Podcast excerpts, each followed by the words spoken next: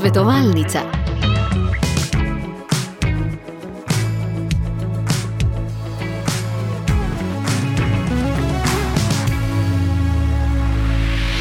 Spoštovani poslušalci, lepo zdrav in dobro jutro v današnji svetovalnici. 28. februar je in to je dan, ki je posvečen redkim boleznim, zato bomo tudi v naši oddaji zdaj le spregovorili o njih. In v studiu živo lepo pozdravljam pediatra, dr. Urha Grošlja. Dobro lepo jutro. Zdrav.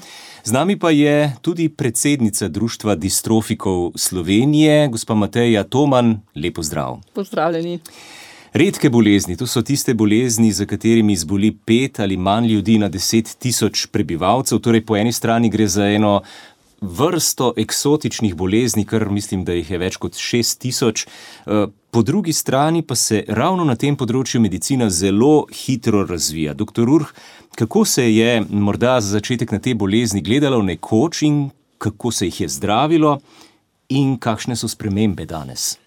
Ja, um, tako kot ste pravilno ugotovili, ne, se pravi, to so bolezni, ki je vsaka posamič zelo redka. Skladno s to definicijo, mora biti redkejša od pet primerov na deset tisoč ljudi, ne, se pravi, vsaka posamič je zelo redka. Ampak, ko v bistvu vse te bolezni, ne, ki jih je a, po novih podatkih že več kot 8000, lahko rečemo, da praktično vsak teden odkrijejo eno novo redko bolezen.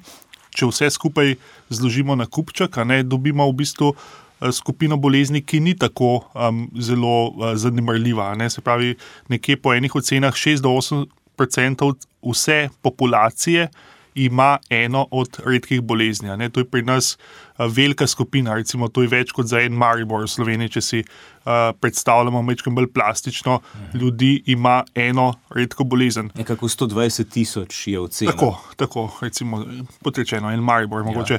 Ja. Um, in In seveda, eh, tako kot ste rekli, ne, um, zdaj um, nekoč se je na te bolezni um, gledalo drugače, kot se gleda danes. Glavni razlogi so bili tem, da so bile diagnostične možnosti nekoč dosti slabše, kot so danes. Ne, se pravi, um, nekdo je mogoče imel na vidi eno bolezen, ne se mu je videl, mogoče da nekaj ne štima, ampak ni bilo možno vedno ugotoviti, v čem je problem. In če ne veš, v čem je problem, ne, si tudi slabši pri tem, kako bi pomagal lahko človeku, ki ima tako težavo. Se pravi, in diagnostične možnosti so z, zlasti s to novo genetsko diagnostiko, z razvojem, ne z genomiko. Danes lahko pogledamo naenkrat tudi vse gene, ki jih ima človek, potem tudi laboratorijske preiskave, ne se pravi, te, temu rečemo metabolomika in druge preiskave, ne lahko tudi vse presnovke v telesu zelo natančno pogledamo, ne, in lahko bolj podrobno opredelimo, kaj sploh je težava a, pri enem človeku. In s tem, ko znamo v bistvu poiskati to težavo, smo tudi bistveno boljši pri zdravljenju. Ne, s tem lahko, če vemo, kje je problem, lahko je to predpogoj, da, spo, da je sploh možno terapijo razviti, da je možno ne, nek način um, obravnave, ki je mogoče več kot lajšanje simptomov razviti, uh, in s tem se da smo v bistvu pri če dalje več teh uh, boleznih zmožni. Tudi učinkovito pomagati. Se pravi, bi lahko rekli, da se je vse skupaj začelo z odkritjem DNK, tam nekje sredi 50-ih let, potem pa seveda ta zgodba je šla naprej. Ne?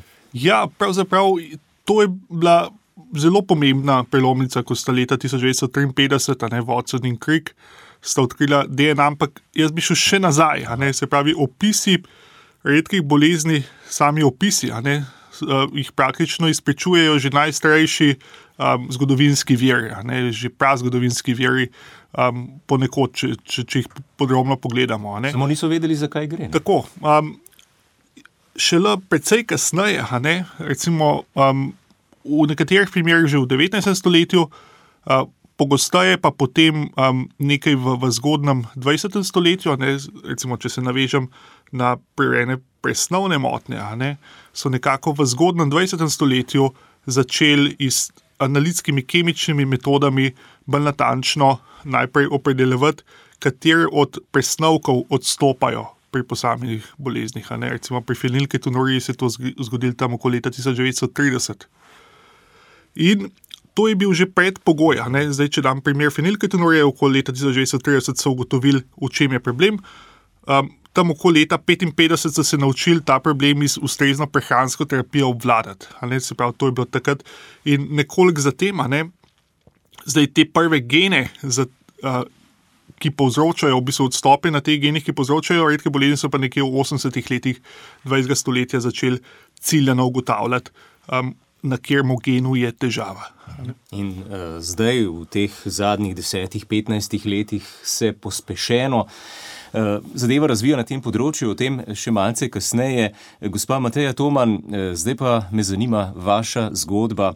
Eh, kdaj ste zboleli? Vi imate tudi diagnozo, torej mišična distrofija. Gre za en sklop številnih bolezni oziroma številnih različnih podtipov. Kakšna je ta bolezen? Drži, jaz imam eno od oblik mišične distrofije, skratico FSHD. Eh, gre pa za bolezen, ki se lahko začne bodi si kasneje v življenju, v najstništvu, v 20 letih, no pri meni je bil pa ta začetek bolezni že v otroštvu, nekje pri sedmih, osmih letih. Takrat so prvič opazili, da recimo pri dvigu rok nad glavo, da teh ne morem iztegniti.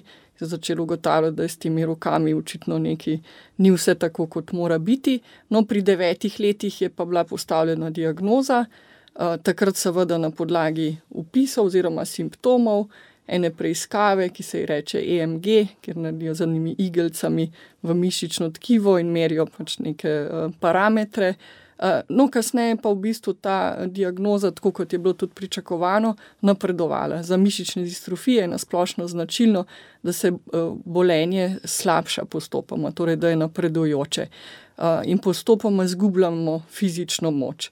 Pri meni je iz te šibkosti rok, ki je šla ne samo iz tega, da rok ne morem iztegniti nad glavo, potem jih tudi nisem morala odročiti pred sebe, dvigniti kakšen težji predmet uh, in tudi zdaj v bistvu z rokami zelo težko gibam. Uh, tudi se je kasneje uh, stanje v drugih uh, delih telesa, na mišicah, tudi uh, poslabševalo, tako da zdaj sem že več kot 20-25 let uporabnica invalidskega vozička. In sicer uh, to je invalidski voziček na elektromotorni pogon, torej da mi ga ni treba poganjati z rokami, zato ker na radiju ne vidijo poslušalci. Ja, fino, da, da sedim na tem pripomočku. Uh, to je pač voziček, ki ima svoj elektromotor, tako da ga z eno čisto preprosto ročico vodim, tako kot so včasih računalniške igrice, recimo, igrali s takšno ročico, je lahek za upravljanje. Sicer pa v vsakdanjem življenju potrebujemo osebno asistenco, torej osebna asistentka mi zjutraj pomaga, da se oblečem, da se recimo lahko stuširam, uh, pripravi recimo kakšne zadeve. Popravi, pripravi računalnik, torbo, papirje, in tako naprej, gremo v službo. Uh mhm. -huh. Se pravi, vse te uh, stvari, ki potrebujejo nekaj fizične moči. Lahko pa tipkam, lahko govorim, tako da lahko uh, pač se zaposlim na takšnih delovnih mestih. Ste diplomirana pravnica, tako, torej ste drži, zaposleni? Drži. Tako, jaz sem pa zaposlena na Društvu Distrofika uh -huh. v mhm. Sloveniji. Kot uh, predsednica imate gotovo uh, tudi pregled nad uh, članstvom, pa me zanima ne koliko je članov, pa koliko je vseh uh, bolnikov s to boleznijo v Sloveniji. Ja, ocenjuje se, da je vseh eh, bolnikov, ki imajo katero od oblik mišičnih oziroma živčno-mišičnih obolenj, tam blizu 2000, eh, nekje 900, eh, nekaj čez 950 jih je pa v našem društvu učlanjenih, recimo slaba polovica. So pa te diagnoze zelo različne. Ne? Pri nekaterih je potek zelo hiter, nekatere se začnejo res zgodaj v otroštvu. Eh, in tudi bolj prizadenejo posameznika in posledično seveda tudi, tudi svojce. Pri nekaterih je pa potek blažji, pa so recimo lahko večino življenja z določenimi prilagoditvami kar, kar aktivni. Tako da je potem pa tudi od eh, tega, kako bolezen poseže v življenje posameznika, tudi odvisno, kako zelo se tudi vključuje v aktivnosti našega društva. Torej, mhm. koliko potrebuje podpore, mi recimo izvajamo prevoze z kombi za prevoz oseb na invalidskih vozičkih, eh, smo izvajalec osebne asistence, usveščamo eh, tako naše člane, kot njihove svojce in širšo javnost. Eh, skratka, imamo eno paleto različnih programov, Tudi eno bi omenila, ki je za nas zelo pomembna, to je obnovitvena rehabilitacija. Enkrat na leto smo vključeni v dvotedenski program, kjer smo res deležni intenzivne fizioterapije, hidroterapije in to se dejansko v funkcioniranju skozi celo leto zelo, zelo pozitivno odraža. Tudi iz svoje izkušnje lahko tako, potrdite. Tako. Um, Ja, torej tudi svojcem, kar je pomembno področje, morda se ga še malce kasneje dotaknemo, uh, pomaga društvo. Kako? Ja, seveda, eh, predvsem gre v prvi meri za tiste prve informacije. Ne? Sploh, kadar pride do nas družina, kjer so starši pravkar dobili diagnozo, seveda jim zdravniki obrazložijo, za kakšno zadevo gre.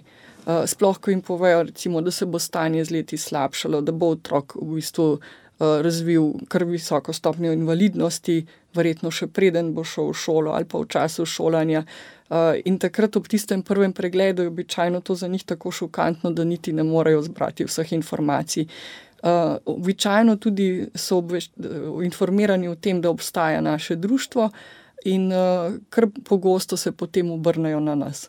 Tam jim pa naši strokovni delavci lahko potem v meru obrazložijo, katere pravice bodo lahko uveljavljali, kako dejansko lahko funkcionirajo, uh, spoznajo se tudi z drugimi uh, družinami in uh, pogosto rečejo, da jim je bilo vlajšanje že to, da ko so prišli prvič na društvo in jih je nagovoril strokovni delavec z enako diagnozo, kot jo je dobil pravkar njihov otrok, so videli, da bo odrastel, da bo sicer uporabljal pripomočke, ampak lahko bo končal šolanje, lahko se bo zaposlil. Eh, kadar gre pa za eh, določene diagnoze, ki se pojavljajo šele v odrasli dobi, pa so lahko tudi zelo takim hitrim potekom, Eh, pa tudi iščejo informacije na najrazličnejših verih, in tudi takrat običajno se obrnejo na nas. In veliko krat poudarijo, da je ta stik z nekom, ki ima enako izkušnjo, prav mhm. tako pomemben kot uh, drugačni na svetu. Mhm. Torej, podpora na različnih področjih v življenju. Spremljate jutranjo svetovalnico, nič 1, 512, 10, nič, nič je naša telefonska številka za vaše vprašanje, spoštovani poslušalci, o redkih boleznih. Danes govorimo, dr. Urh Grošelj, kako bi eh, dan danes, se tudi danes se. K vam pridejo tudi starši z otroki, ki imajo recimo sum ali pa že potrjeno diagnozo. E, kakšna je danes obravnava bolnikov s to skupino recimo, e, bolezni? Um, ja, zdaj spet, ne, morda je treba tukaj poudariti, da gre tukaj za zelo različen nabor bolezni. Ne, se pravi, med temi 8000 bolezni najdemo zelo različne bolezni, vsaka oziroma marsikatera med njimi potrebuje mečken, mogoče drugačno obravnavo kot recimo katera druga od njih. Mhm. Ampak vseeno, mogoče en splošen princip je um, nekako, da stremimo k čim bolj kompletni obravnavi. Ne, doskrat, um, redka bolezen samo, um, ne pomeni samo, da je prizadet samo en organski sistem, ne, doskrat je.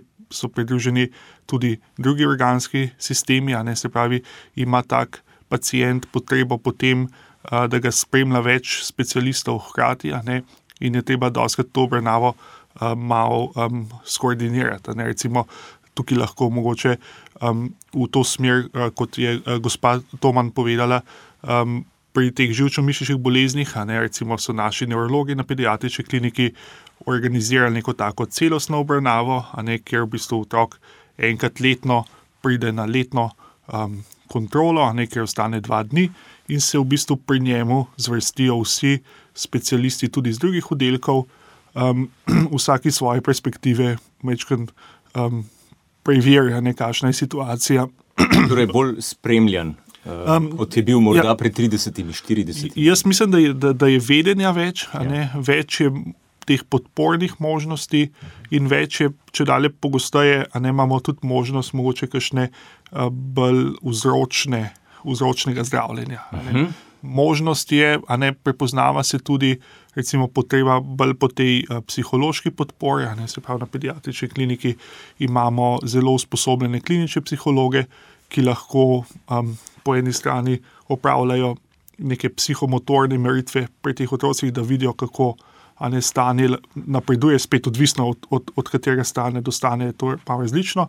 Po drugi strani so pa tudi na voljo za uh, podporo družinam. Imamo tudi, recimo, socialno delavko na pediatrični kliniki, imamo recimo um, učitelje, a ne se pravi tudi tisti otroci, ki so veliko v bolnišnici, lahko upravljajo bolnišnično šolo.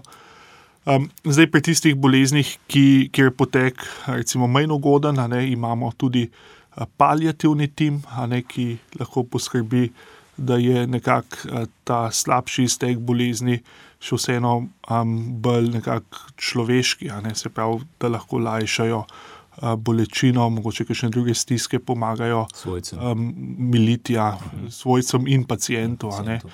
Kaj pa uh, presejalni testi. Zdaj bomo eh, eh, šla na to področje, ki, o katerem bomo tudi govorili, je pomembno, o katerem je največ morda novosti. Ali bi bila, bi bila ta oblika uh, bolezni danes ozdravljiva? Ja, zdaj spet, kar se presejalnih testov tiče, ne, je tukaj. Um, so zaenkrat še dokaj omejeni, ne, se pravi, je možnost odkrivanja enega, bi lahko rekel, relativno omejenega nabora bolezni.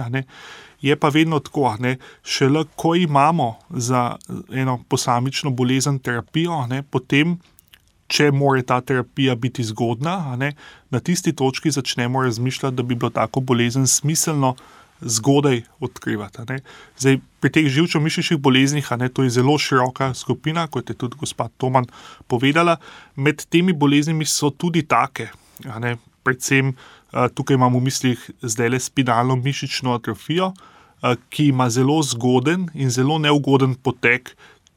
Ta oblika, ki se pojavi takoj po rojstvu, je pogosto tudi ima zelo neugoden um, izhod, zgoden, ne, se pravi, recimo smrt otroka že v starosti, že v prvem letu ali ne dosti kasneje, ne, pri tej najtežji obliki. Um, pri takem otroku ne, um, imamo zdaj možnost vzročnega zdravljenja. Imamo gensko terapijo, ne pa eno drugo napredno zdravljenje, ki omogoča, ne, da se bolezen od trenutka zdravljenja naprej ne slabša več. Ne, nekaj teh uh, zgodb, recimo, spomnite se zgodbe od, od tega malega Krisa. Ne, Potem je bila tudi zelo um, uspešna zgodba, um, se pravi, prve genske terapije na pediatrični kliniki uh, pred dvema letoma, ne, oziroma mislim, da so že tri leta zdaj nazaj, ko smo v bistvu začeli gensko zdravljenje ne, pri teh pacijentih. Ampak gensko zdravljenje ne pomaga veliko, če um, je trajalo predolgo do trenutka, ko smo ta zgolj otroka odkrili, ne, ker je preveč škode že narejene ne, in potem se ne da doskrat več kaj dosti narediti. In je treba otroka odkriti, preden nastane ta škoda. Ne, in ta trenutek je, recimo v tem konkretnem primeru spinalne mišične atrofije, takoj po rojstvu. Torej, tu pridejo upoštev ti presejalni, presejalni testi. testi. Tako je. Ja, in, um, ampak to pomeni, ne, da je treba v bistvu celo populacijo uh, pregledati, ne, se pravi, novorojencev v tem primeru, ne, in pri tistih, kjer so odstopi, lahko v starosti približno um, enega tedna ali pa desetih dni imamo že diagnozo. Trenutno je 19 programov, pridružujejo se jim še štirje. Ja, drži. Um, Slovenija ima tukaj že kar daljšo tradicijo, no, se pravi od leta 1979, 1979 ko je bilo uh, uvedeno presajanje za fenilketonurijo, ki je potem leta 1985 sledilo presajanje za prirojeno hipotirozo, se pravi slabše delovanje ščitnice. Potem pa je preteklo kar nekaj časa, ne, da smo ta program nadalje širili. Leta 2018 smo dodali 17 prirojenih bolezni presnove, a ne zdaj pa po petih letih, v letošnjem letu, dodajamo še štiri dodatne bolezni, um, že omenjeno spinalno mišično atrofijo, um, te, tej bomo pa dodali še cistično fibrozo, se pravi bolezen, ki prizadene predvsem pljuča, pa tudi druge organske sisteme um, skupino prirejenih motenj imunosti, ne, kjer so ti otroci, ki se rodijo, izrazito nagnjeni k okužbam in jih slabo prenesejo. Ne, se pravi, tako otrok lahko zgodaj umre zaradi okužbe, če ni odkrit. In pa še eno redko um, hormonsko motnjo, ki se reče kongenitalna adrenalna hiperplazija. Uh mhm. -huh. Nič ena, 512, 10, nič, nič o redkih boleznih govorimo. Gospa Mateja Toman, vaša oblika torej mišične distrofije, eh, dan danes, ne se verjetno eh, poznate tudi še koga, ki ima enako eh, obliko bolezni. Je s pomočjo novih pristopov v medicini morda jo možno zavreti oziroma jo vsaj omiliti? Eh, trenutno še ne, trenutno še ni eh, vzročnega zdravljenja. Mi nekako umilimo simptome, oziroma pomagamo, da ostanemo v dobri kondiciji s pomočjo fizioterapije, nekih drugih vzročnih zdravljenj ni. Je pa res, da je napredek medicine res izjemen v zadnjih letih, tako da tudi za to diagnozo so že v kliničnih eh, preizkušanjih prve, eh, prve učinkovine, tako kot za mnoge druge eh, redke bolezni, pa tudi z področja mišičnih oziroma žilčnih mišičnih obolenj se to razvija. Torej, enako govorimo o celičnih terapijah, genskih. Ja, ta sklop gre. Tako, tako, to sicer ni moja Zdravljenje. stroka, ja, ja. tako ja. da te bolj podrobno ne, mhm. ne poznam, ampak se pa razvijajo različne učinkovine, ja, tudi na, na področju genskega zdravljenja, pa tudi siceršne celične in vzročne terapije. Uh, tako da smo lahko optimisti. Je pa res, da ta uh, zdravila so šele v fazi razvoja, uh, to so tako kot uh, same bolezni, ki so redke, ne namenjene enemu malemu, majhnemu številu oseb, zato so praviloma zelo draga. Ja. Uh, tako da mi smo bili na društvu zelo, zelo zadovoljni, ko je uh, Slovenija bila res med prvimi državami, ki je omogočila uh, zdravljenje oseb s SMA, spinalno mišično atrofijo. Uh, kljub temu, da ne gre za ravno poceni zdravili, ampak vendarle so bila slovenskim pacijentom na voljo uh, relativno hitro, otrokom sploh takoj, odraslim pa tudi praktično eh, veliko hitreje kot v kateri mnogo bogatejši mhm. državi. Mogoče to za poslušalce, ker zadnje čase Tako. poslušamo samo to, kaj vse je v zdravstvu narobe, uh mhm. -huh. ampak vendarle imamo vrhunske strokovnjake, uh, specialiste in tudi marsikatero zdrav, drago zdravilo ne samo na področju živčno-mišičnih obolenj, je v Sloveniji pacijentom vendarle na voljo in je mogoče prav, da se tega tudi zavedamo, da ni vedno vse samo slabo. Da usmerimo v dobro, Tako. pohvale tudi zelo dobro denejo, ampak eh, odpira pa to vprašanje, dr. Ur Grošer, res eno. Um, Morda ne tako eh, zdravstveno, ampak širšo temo. Ta zdravila so izjemno draga. Ne. Zdaj, um, komu, kdaj, ali bodo vsem, vsem na voljo, Ja, ja, to je seveda zelo težko vprašanje, ne se ne, ne da enostavno odgovoriti. Ja, zdaj, um, jaz bi se nekako pridružil temu opažanju, a ne gospetom, tudi naša izkušnja je taka. Ne, se pravi, doslej je bilo vedno tako. Ne, se pravi, če je bila um, učinkovita terapija, ne, če smo mislili, da jo en pacijent potrebuje, ne, nam je doslej um, zavarovalnica oziroma pač država neposredno s tem vedno prisluhnila. Ne, se pravi, doslej mi imamo izkušnje, ko bi mislili, da nekdo potrebuje neko terapijo, pa jo ne bi mogel dobiti. Ne, tako da iz tega vidika imamo v Sloveniji, kot je bilo omenjeno, ne, jaz mislim, da kar, um, smo lahko kar zadovoljni ne, s tem, kakšne so možnosti. Um, seveda je pa če dalje več teh novih terapij, ki so praviloma tudi zelo drage. Ne, tudi si morate predstavljati, če neko podjetje ne razvija terapijo, mogoče za neko zelo redko skupino, ne mogoče nekaj tisoč uh, pacijentov, vsega skupaj na svetu. Ne, je čisto gola ekonomska računica taka, da da bo cena visoka. Nad, nad tem se ne smemo preveč zgražati, seveda, ker so tudi podjetja, ki iščejo tukaj dobičke. To, to, je, to je lahko en velik problem. Se pravi, tukaj razmišljanja grejo mogoče v neka partnerstva med, med državami ali pa recimo med Evropsko unijo in, in recimo določenimi farmacevskimi podjetji, da bi vendarle, a ne po eni strani ta razvoj nujno potreben, ne, zato ker potrebujemo nova zdravila. Ne. Po drugi strani pa seveda ne sme biti to neko področje, kjer bi se um, neka privatna podjetja tudi preveč okoriščala.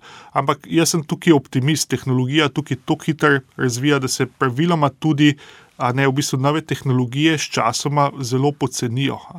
In mogoče nekaj, kar, kar je danes drago, bo mogoče čez deset let ne bo več um, tako drago. Tako da jaz še vseeno mislim, da bomo najdel neke načine, da bomo ta standard, ne, da bo v bistvu terapija, ki bi lahko pomagala ljudem, jih tudi dosegla.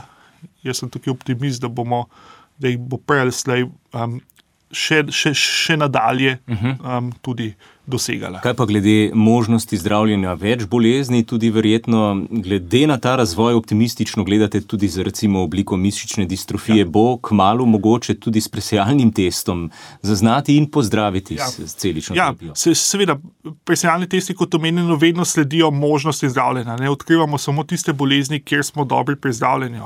In, in se pravi, če pride zdravilo, potem začnejo ne samo mi, ampak uh, veliko skupin po svetu tako razmišljati, aha, kako bi pa mi bolez, to bolezen lahko zgodaj odkrila. Ne? In praviloma se večino bolezni da zgodaj odkrivati, če je potreba za to. Niso vse take, nekatere se lahko pokažejo šele kasneje, ali pa so potekajo na ta način, da jih ni treba zgodaj odkrivati. Ampak ja, tudi uh, presejalni testi vedno sledijo. Terapevtskim in drugim možnostim. Um, te uh, terapevtske možnosti, pa seveda, uh, kot je bilo omenjeno, ne, v bistvu jih je če dalje več. Ne, se pravi, genskih terapij smo mogoče med letom 2010 in 2020 jih je mogoče pet prišlo na težišče. Jaz mislim, da bomo zdaj počasi v fazi, ko jih bo pet novih genskih zdravil vsako leto prišlo na težišče. Ne? Se pravi, tukaj ta razvoj nekako nič, je, bi lahko rekel, na nek način pospešen. Ne? Eksponenten. Eksponenten ja. Zdaj imamo telefon poslušalke iz Maribora. Uh, lep pozdrav, dober dan, gospa, dobro jutro, gospa Breda. Pozdravljeni. Uh, jaz bi vprašala, mogoče, če lahko partnerja uh, pred, predn zanosi žena, uh, da uh, želita ugotoviti preko krvi, preko preiskav, če so kakšne možnosti, da prije do teh eh, težjih oblik eh, bolezni ne, pri otroku, ali mogoče je pogoj to, da, v, da gledajo, eh, če je v rodovniku, mogoče kakšen bil zelo hudo balans. Pa še eno drugo vprašanje, če kako biološka zdravila pomagajo v določenih boleznih. Mm -hmm, dobro, hvala lepa za vprašanje. Ja to eh, še enkrat, če lahko sama, da se da prosi, ja, da preden, za preiskavo. Ja, se pravi, to. preden gospa zanosi, to bo vprašanje za ja, to, to, zdravnika. To, to, ja. Hvala lepa, lepo zdrav na Štajersko. Ja, seveda, ne, zdaj, um, medicina ponuja ne, tudi um, to, temu rečemo, gensko svetovanje ne, pri osebah, kjer, um, kot je gospa um, opazila sama, ne, kjer se mogoče ena bolezen pojavlja že v družini, ne lahko je to uh, v večjih rodovih, lahko je vsak rod. Uh, Marsikera se sicer na novo pojavlja, se pravi, ni nujno, da je zdaj tudi pri drugih članih družine. Um, in take družine um, so um, nekako um, imajo možnost se posvetovati uh, z kliničnim genetikom, ne, kjer um, se, se pravi, se tudi glede na samo stanje uh, poišče um, v tem smislu neka možnost. No. Doskrat je dovolj, v bistvu, marsikaj, da znamo pozdraviti, da se, se lahko tako nosečnico um, spremlja, se lahko pripravi na porod in se ponudi lahko neko zgodno obravnavo. Ne. To je, to je danes, se mi zdi, če dalje bolj um, mogoč scenarij. Marsikdaj se tudi vidi, da, uh, da, da se na ta način.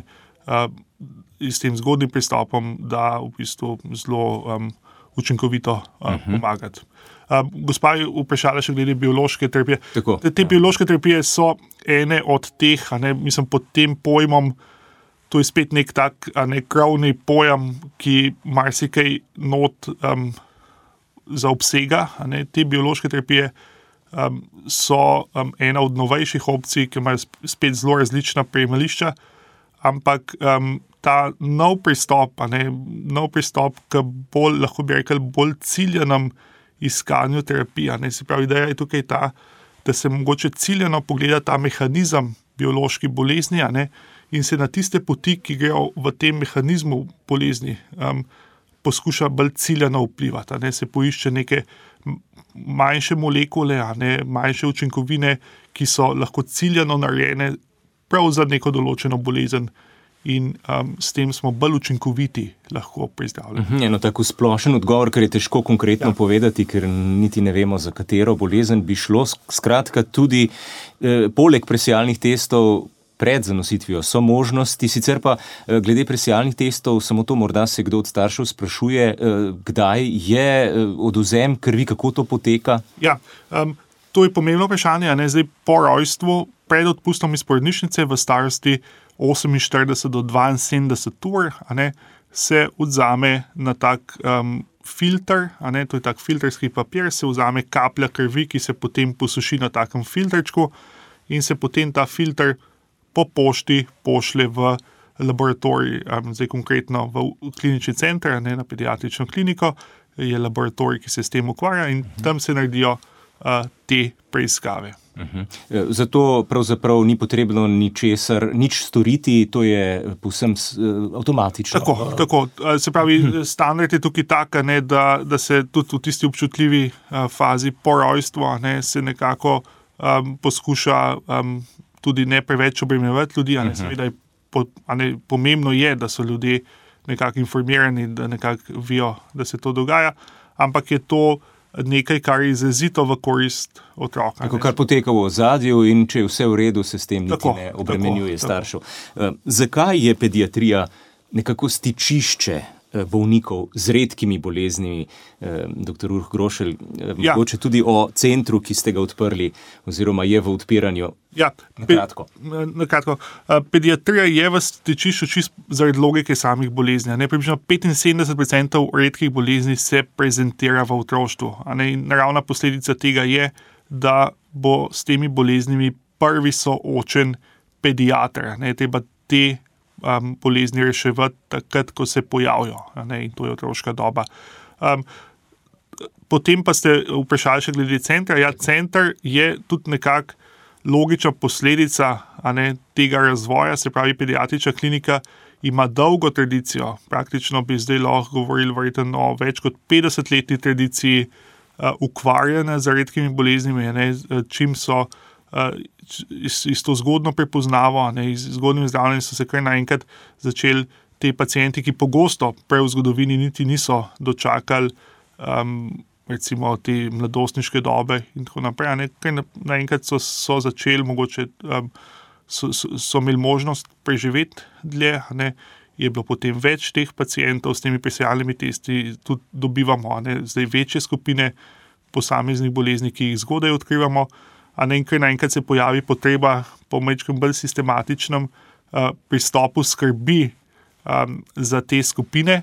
Um, hkrati pa tudi ne, stroka, vedenje, ne, tudi razumevanje potreb pacijentov teh družin uh, narašča. Ne, in uh, to je nekako kulminiralo zdaj po več desetletjih teh izkušenj v nastank uh, centra, ne, ki bo nekako to ekspertizo, ki že obstaja, združeval na enem mestu, ne, s tem tudi dosegal neke dodatne uh, sinergije in pa mečkam bolj sistematično tudi razvijal ne, nove možnosti glede na potrebe teh družin. Tako, torej smo tega lahko samo veseli. Še za zaključek, gospa Mateja Toman, tudi vaše združenje oziroma društvo distrofikov se vključuje v različne oblike spremljanja eh, obravnave bolnikov, eh, konkretno s to boleznijo, s tem sklopom bolezni. Eh, kako vam prihaja naproti država oziroma eh, kje bi lahko storila več, kaj pogrešate? Ja, vedno je lahko položaj še bistveno boljši. Uh -huh. Pri Društvu distrofikov Slovenije seveda spremljamo ta zdravstveni vidik eh, naših obolenj, predvsem se pa kot invalidska organizacija prizadevamo za to, da imajo naši člani, pa tudi drugi invalidi, čim bolj enake možnosti kot drugi državljani, da se vključujemo v vsakdanje življenje. Eh, torej, zagovarjamo vse pravice, ki sicer grejo drugim državljanom, da moramo tudi invalidi imeti enakopraven položaj. Eh, veliko poudarjamo možnost enakopravnega dostopa, recimo do javnega prevoza, eh, ne maramo arhitektonskih ovir v svojem okolju, vsekakor želimo si, da bi vsi otroci imeli možnost, da so integrirani v običajni šolski sistem, torej da se čim bolj vključujemo v družbo, eh, da na trgu dela ne bi bili zapostavljeni, torej da bi nekako prepoznani in imeli uh, enak položaj kot vsi drugi. Kako je s tem, recimo, zaposlitvijo, ker um, znano je, oziroma ve se, da lahko mišični distrofiki zelo dobro delajo dela v, za mizo, ne, če rečemo tako, tako pisarniško, tako. oziroma intelektualno delo. Ne. Tako, seveda uh, nam gre razvoj delovnih mest, ki smo mu pričali vsi. V smeri večje uporabe informacijsko-komunikacijske tehnologije, po domače delo z računalnikom, to gre nam uprit ker tu seveda smo lahko veliko bolj primerljivi z ostalimi zaposlenimi. Na delovnih mestih, kjer je treba pa uporabljati fizično silo, biti ukreten, dovolj močan, tam seveda takšna dela niso primerna za nas, ampak v teh sodobnih delovnih mestih se pa kar dobro znajdemo. Se pa tu soočamo s tem, da je pa na trgu dela še vedno veliko predsotkov delodajalci ne poznajo teh naših potencijalov, se bojijo, da ne bomo zmogli dela, da bomo recimo veliko bolniško odsotni. Eh, je pa včasih težava že s, to, s tem, da pridemo do delovnega mesta. Torej, delovno mesto mora biti dostopno, eh, tudi fizično dostopno, eh, treba je priti od doma do službe, torej je lahko problem prevoz, če ta ni dostopen. Vam tu pomaga asistent? Tudi lahko, tudi lahko seveda, ja. tudi mhm. lahko. Eh, tako da ta širša dostopnost je sigurno en tako. tak vidik, ali mhm. lahko pridemo v stavbe, ali so javne stavbe dostopne. Uh, javni potniški promet praviloma nam ni dosegljiv, ja. zaradi tega, ker z električnim ali pa z navadnim vozičkom težko ne moreš vstopiti v vlak, kjer je visok prak ali stopnica, enako je z avtobusi. Uh -huh. uh, tako da je še kar veliko, veliko področji čist uh, običajnega življenja, ki so sicer ljudem samoumevna, nam pa niso. Ampak uh, se pa stanje postopoma izboljšuje in mi se seveda prizadevamo, da nagovarjamo državo in druge institucije, da nam tu uh, zagotavljajo pravice, tako kot gredo tudi vsem ostalim. No, spet usmerjeni v dobro in s tem, kar zaključimo, smo že malce čez časovnico. Da, iskrena hvala obema gostoma, ki sta prišla danes v studio, gospa Mateja Toman, predsednica Društva distrofikov in pediater, profesor dr. Urh Grošelj. Hvala lepa uspešno delajte na svojih področjih še naprej in obilo dobrega. Hvala. Hvala za vabilo. Hvala za vabilo, nasvidenje. Svetovalnica.